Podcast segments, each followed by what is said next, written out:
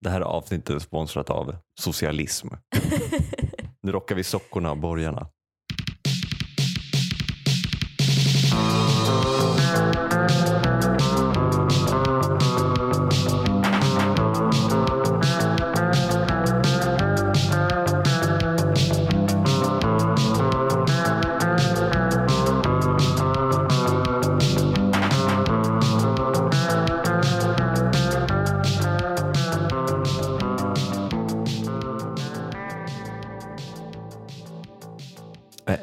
Förlåt Ellen, till Ander.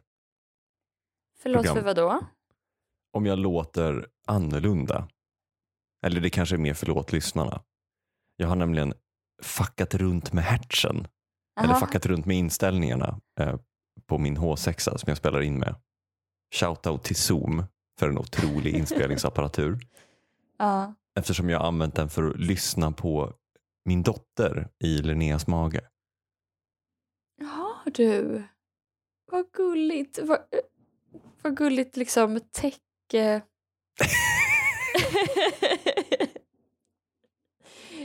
Tech bro gulligt. Nej, men alltså mer, Va, vad sa hon där? Vad hörde du? vad sa hon? Eh. Jag kan verkligen tänka mig att ditt barn kan prata redan nu. Ja, men alltså, det, det var verkligen så.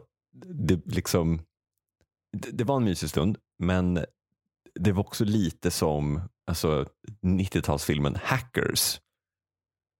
Den här, min H6, min mikrofon är ju inställd för att ta upp min röst. En, en ljuv, sammetslen, kärig basstämma. Men nu behövde jag ställa in den på att ta upp basically ljudet av en påse vatten. Eh, så för, det, första gången vi liksom tryckte mot magen så hörde vi inte så mycket. Så jag bara, wait, I'm just gonna adjust, adjust the, the filters. Så Ja. liksom tog jag den och så knappade jag furiously. Så bara, try now. Så bara, I'm in. Listening now. Hacka din bebis. Jag hackade mig in i livmodern. Så nu är din mikrofon inställd på en påse vatten. Ja, om det är så att ni har en, en underbar en underbar litteraturvetare säga kloka grejer samtidigt som en vattenkokare så är det därför. Ja. Du kanske kan anpassa rösten istället. Att du bara... Blubb. Blubb, ja, precis. Blubb. Eh, men den som samtalar med en påse vatten är Ellen Mm. Theander. Ja. Och hon gör det i formatet Tusen saker. En podd där vi pratar om grejer från en lista som vi har skrivit i Ja. förväg. Och den som... Den påse vatten som hackar livmödrar, böjer man det så? Är Kim Eklöf. Blubb. Punkt 114. Den typen av borgerlighet där man bara äter fin husmanskost. Mm. Förstår du vad jag menar? Ja. Ja men typ eh, Rish, Teatergrillen, Vasahof, Grodan serverar ju alltid svensk husmanskost men Mm. med lite fransk. Ta svensk husmanskost but make it French. Så kostar det 350 kronor för köttbullar. Nej, Wikipedia då. Det känns, det känns ovärdigt den här podden. Det känns som att jag borde bara Sa- Saul säger. Eh, Ja. En källa Wikipedia då, att husmanskost kommer efter husman, alltså man med hus. Eh, vilket är kul för att, för att eh, Du, alltså, kan, du kan aldrig gissa du kan, vad du en liten ordlek, husmans etymologi är. Inte att förväxla med ett manshus, alltså Biltema. Som också serverar husman, kul. Nej men det, det roliga med, med husman är att det är alltså en förolämpning. Jaha, du äger ett hus. Du borde, alltså egentligen så ska man ju äga jord Aha. som det bara råkar stå ett hus på. Står det här på Wikipedia eller hittar du på det här nu? Nej, det står på Wikipedia, eh, men också, kom, också kompletterat med eh, fakt, faktiskt källa mina studier i etnologi på Uppsala universitet. Mhm. Det var enkel och billig mat som hade låga, liksom, låga inköpskostnader och högt kalorivärde. Mm. Alltså det var ju svenska råvaror eh, och mycket fett. Ja. Eh, fläsk, feta Mm. fiskar, grova spannmålsvaror, potatis och rotfrukter. Mm. Man kunde, tid hade man ju gott om. Så man, det, det gjorde ingenting om det tog lång tid. Man hade mycket redningar och långkok. Ja. Ehm, och husmanskost eh, förekommer i Skandinavien och andra nordeuropeiska länder. Ah, Okej. Mm. Men det ansågs väldigt lågt stående tills vissa sådana som till exempel Tore Wretman presenterade moderniserade varianter med mycket, mycket mindre fett. Eh, Just det. och kom ut med boken Novell Husman. Ja. Ja, du ser. Det är liksom fransk eh, uppputsning av eh, den svenska husmanskosten. Ja, men också, kan det vara också att man försöker få in, alltså för, för det, f- det franska köket är ju toppen. Mm. Ehm, men de flashar ju de flashar ju en grej som vi inte har, alltså råvaror, Pengar. pengar. Lite skrytig, skrytig mat. Nej men okej, eh, så Tore Wretman kom och många, säkert många med honom och gjorde husmanskosten mindre utilitaristisk eller mindre användbar, alltså mindre Mm. mättande men godare. Genom att till exempel minska eh, tillagningsprocesser och koktider för att också då inte heller alltså, koka sönder eh, Mm. råvarorna och ta, ta tillvara på deras övriga smaker och i viss mån näringsämnen. Är det kvinnoförtryck att ja, män alltid håller på sådär? Vi gör matlagning mindre effektivt, Ja, mindre funktionellt helt enkelt. ja alltså, män har ju, haft, har ju ofta mer tid on their hands eftersom de inte har ett barn som klänger på dem. Mm. Så att Tore Wretman kom och bara Hörni gummor, varför gör ni inte husmanskost så här? Och de står Ja. så och gnuggar två barkbröd mot varandra för att skapa värme medan deras 14 barn svälter. Och han bara, titta på den här gurkan, vad tunt. Har har ni skivat den. testat att göra den här maten god? Låt mig visa. Han åker runt som en omvänd Lubbe Nordström runt i fattighusen. Ja. Vet ni om vad? Om ni pressar ur vattnet ur gurkan innan ni lägger in den får den en godare smak. Nej men för det ställer vissa ja, det blir ju liksom, det spiller väl över tänker jag på den halvan av befolkningen som eh, inte jobbar på Rish då. Mm. Eller visst var det Rish han jobbade på? Ja. Du, det, det vet du bättre än mig. Man kallar baguette för pan Rish för att Tore Wretman eh, tog baguetten liksom till Stockholm. Jag visste inte att han var eh, en restaurangman. Jag trodde typ att han att var han- så här, en till Povel Ramel. Ja, ja. Vad kul för det, då äter jag husmanskost. Alltså jag, för jag äter ju bara mackor i princip. Mm. Mm. Och det känns ju väldigt så, det är högt kalorivärde liksom per krona. Mm. Eh, och enkelt. Mm. Novell Husman. Pan Fridhemsplan. Eh, Då får vi väl förklaringen till var den typen av borgerlighet kommer då. Alltså det var bara borgerlighet som ma- man bara åt på restaurang. När Tore Wretman var i farten. Ja, Och så var det lite exotiskt kanske då. Att man, var, man hade pengar. Men man åt liksom mat som människor som verkligen inte hade pengar. Alltså så, jag vet inte, bröd kokat i ister. är det det första fallet av kulturell pro- appropriering? Och gud, fan vad ser jag med köttbullar?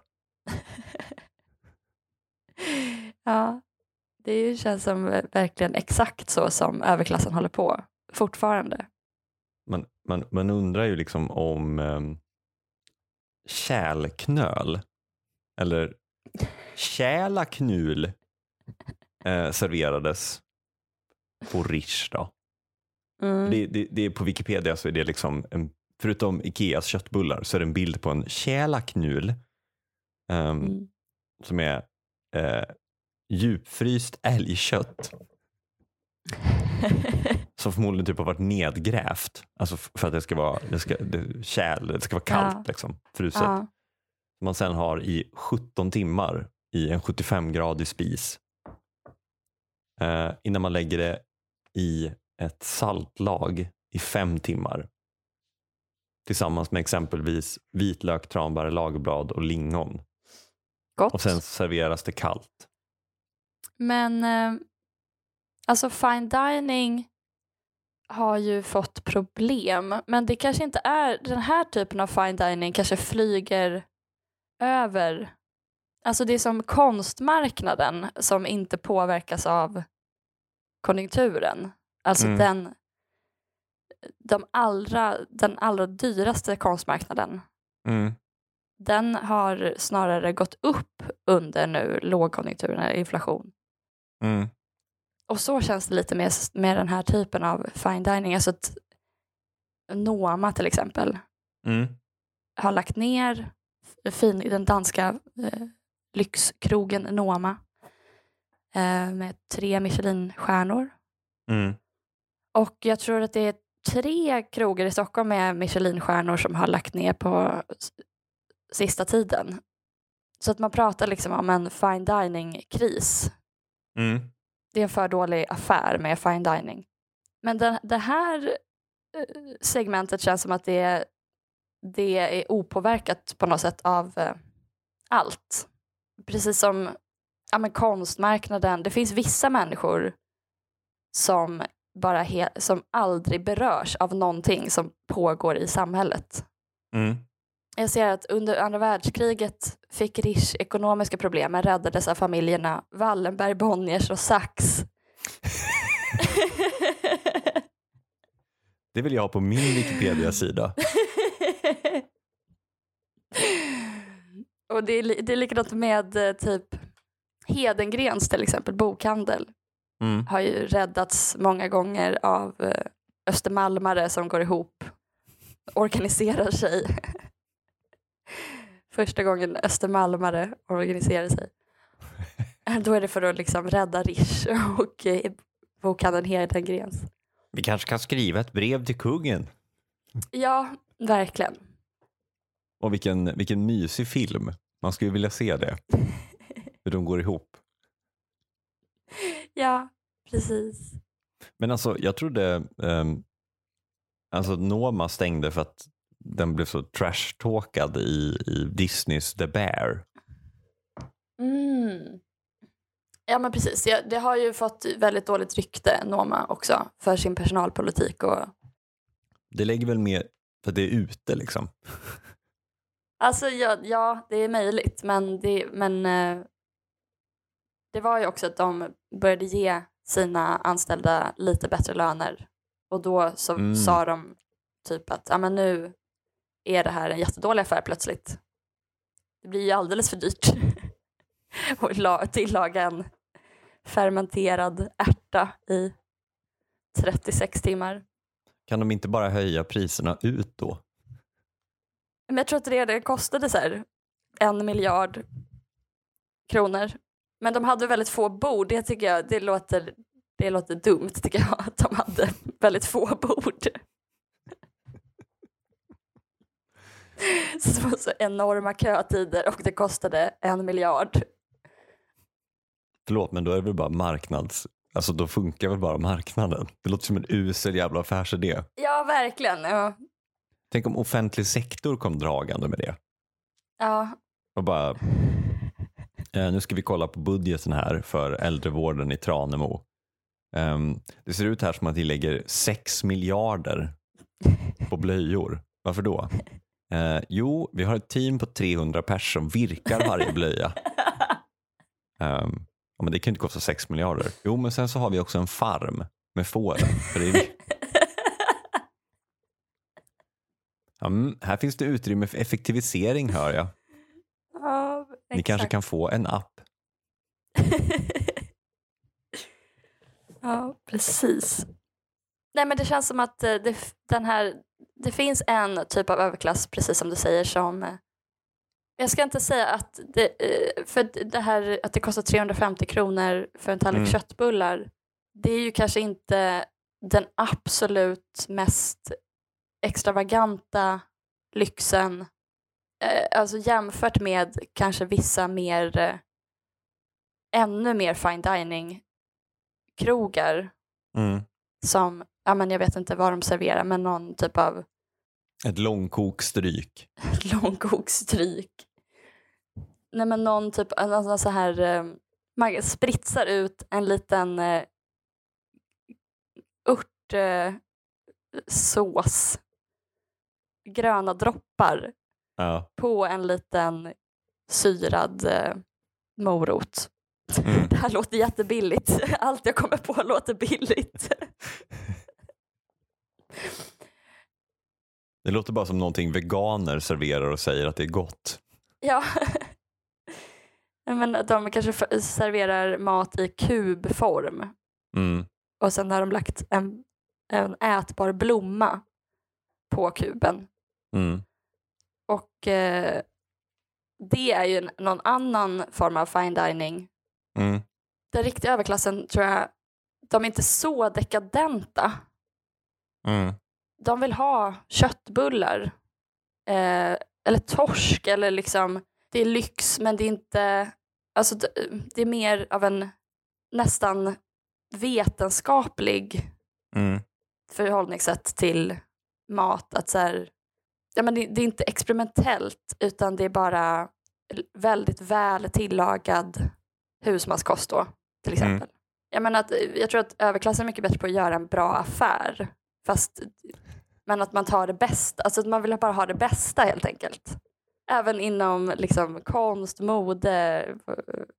Det är inte nödvändigtvis liksom vräkigt eller dåliga affärer de gör utan det är Mm, mer mm. liksom eh, en ganska rimlig att de bara lägger pengar på något som är ganska rimligt typ, om man är rik.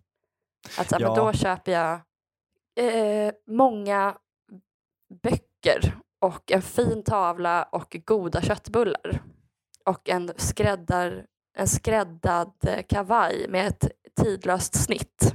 Mm. Men det, det tydligaste exemplet på det tänker jag är väl att eh, en, alltså, NKs mest legendariska restaurang är deras korvmoj. Ja, Att den, den liksom har funnits alltid och serverar liksom, korv i bröd. ja Eh, just det. Men det är bra korv i bröd. Liksom. Mm, Eh, att det behöver inte vara och det ligger väl också i ordet vräkigt som du säger, att det blir lite gamla nya pengar. Alltså ja, gamla pengar vet ju, de har ju en, en, en acquire, vad ska man säga, en, en liksom en ärvd smak. Ja, För du, du visar också inte bara liksom det är bra råvaror och bra mat inom citationstecken utan det är också en del av liksom ditt kulturella arv. Alltså mm, farfar åt också här eh, och Ja, svenskar det. generationer.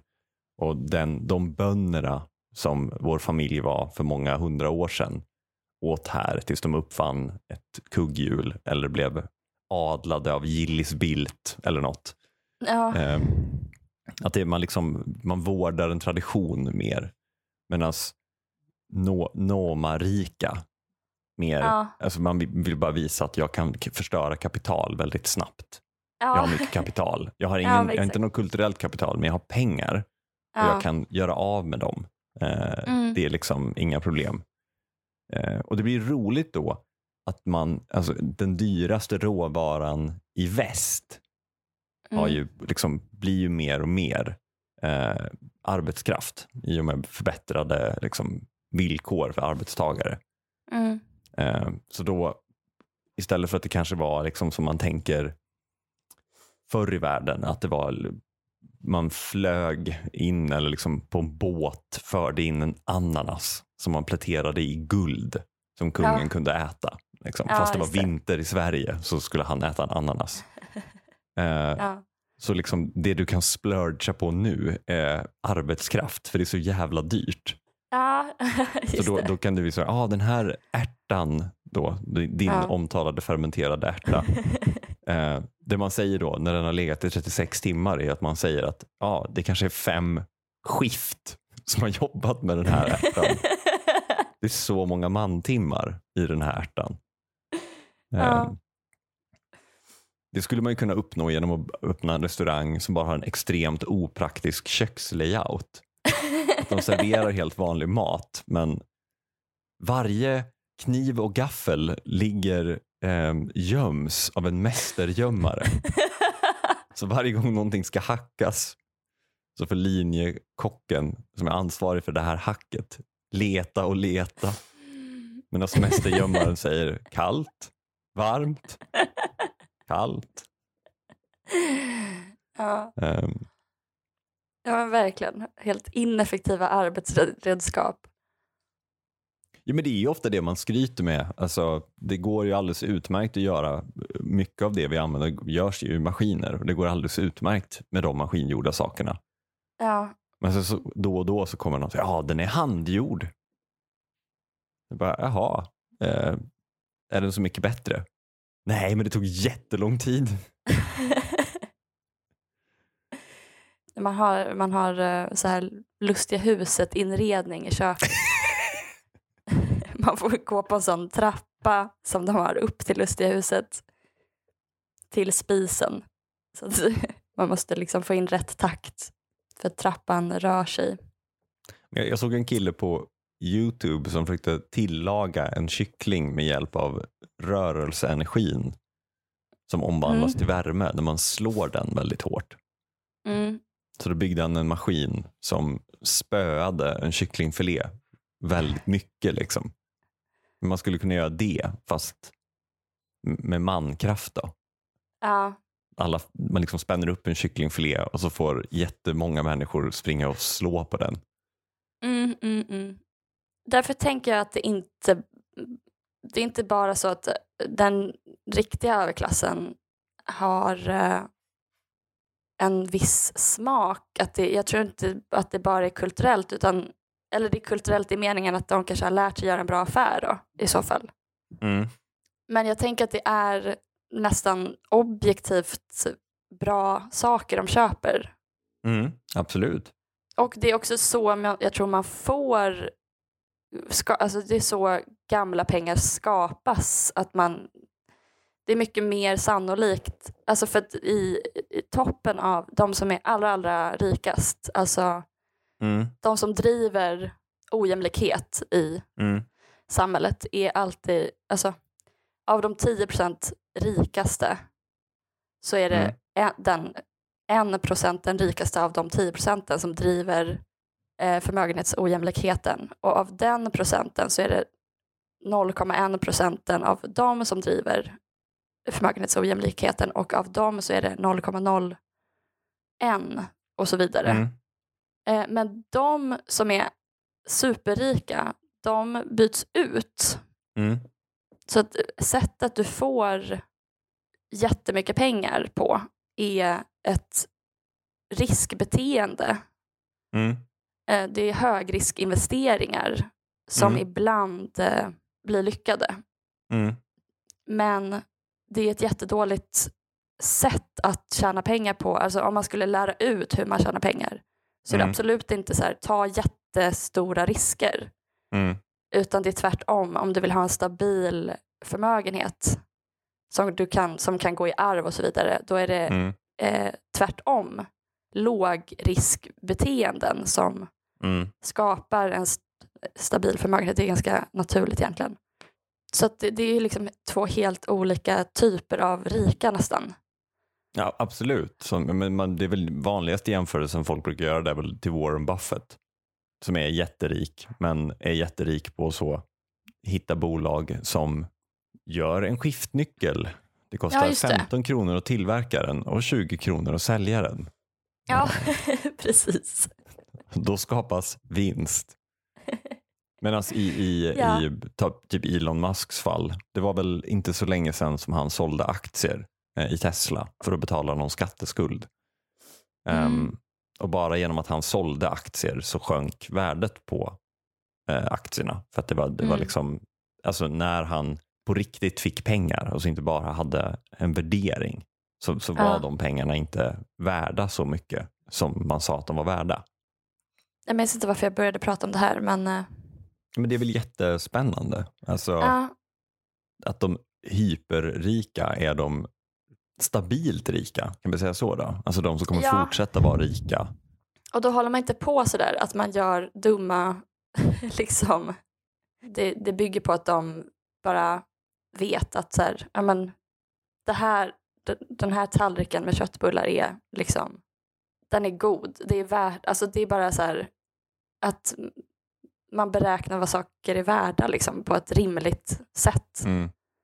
Och jag tror också alltså, att så här, om man skulle översätta, precis som du säger, allting i arbete, alltså att priset var uttryckt i så här, arbetstimmar, då på något sätt så är det så här, väldigt mycket som eh, bara är det är bara dåliga, dåliga investeringar. Liksom. Eller liksom, ja, jag, behöver inte ha, jag behöver inte göra mina kastruller själv liksom, från grunden.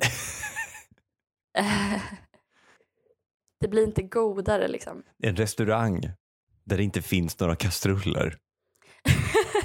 Utan det är bara massa människor som springer med kupade händer. Håller maten Håller över dem elden. Över elden, Aj, aj, precis. aj.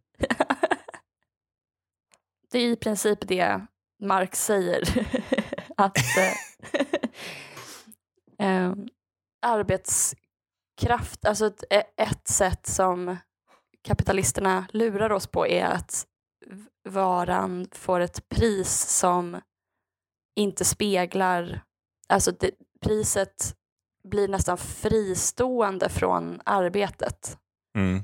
Också med ens, ens pengar, alltså jag menar ens inkomst är, är ju såklart också då ens arbetade tid.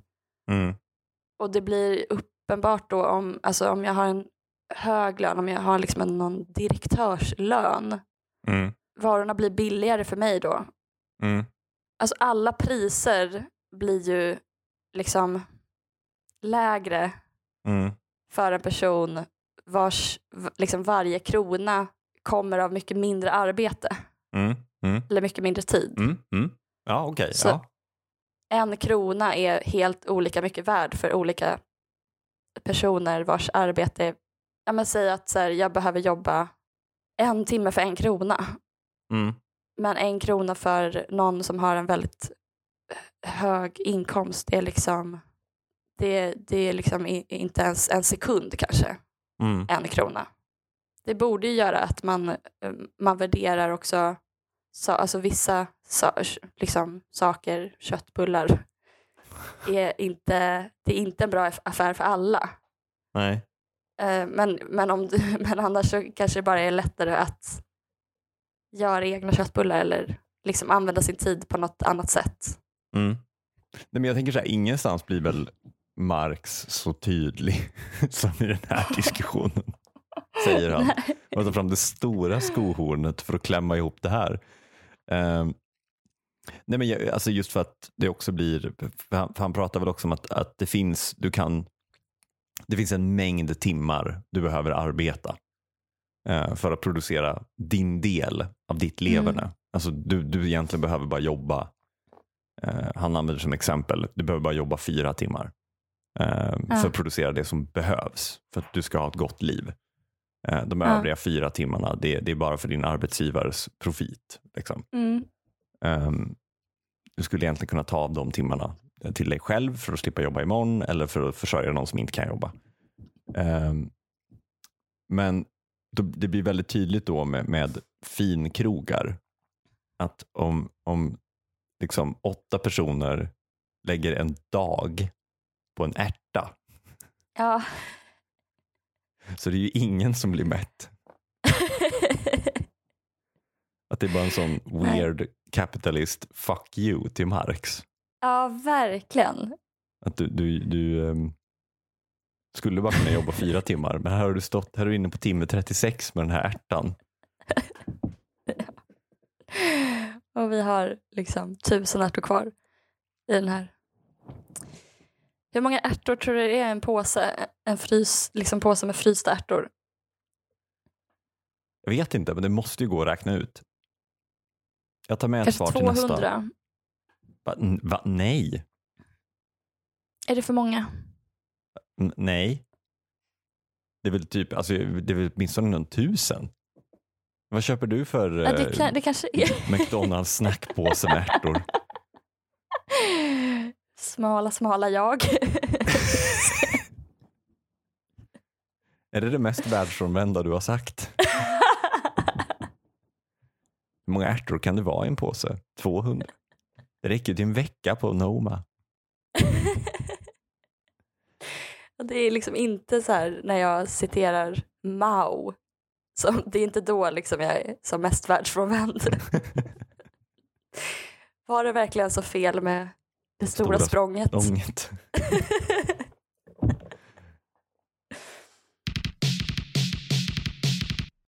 Tack för idag Kim Eklöf. Tack själv Ellen Theander. Det här har varit Tusen saker, en podd eh, om lika många saker. Ehm, Mm. Vi kommer ut eh, tisdagar klockan sex på morgonen Lagom till morgonlapprundan. på återhörande. Hej då! Hej då!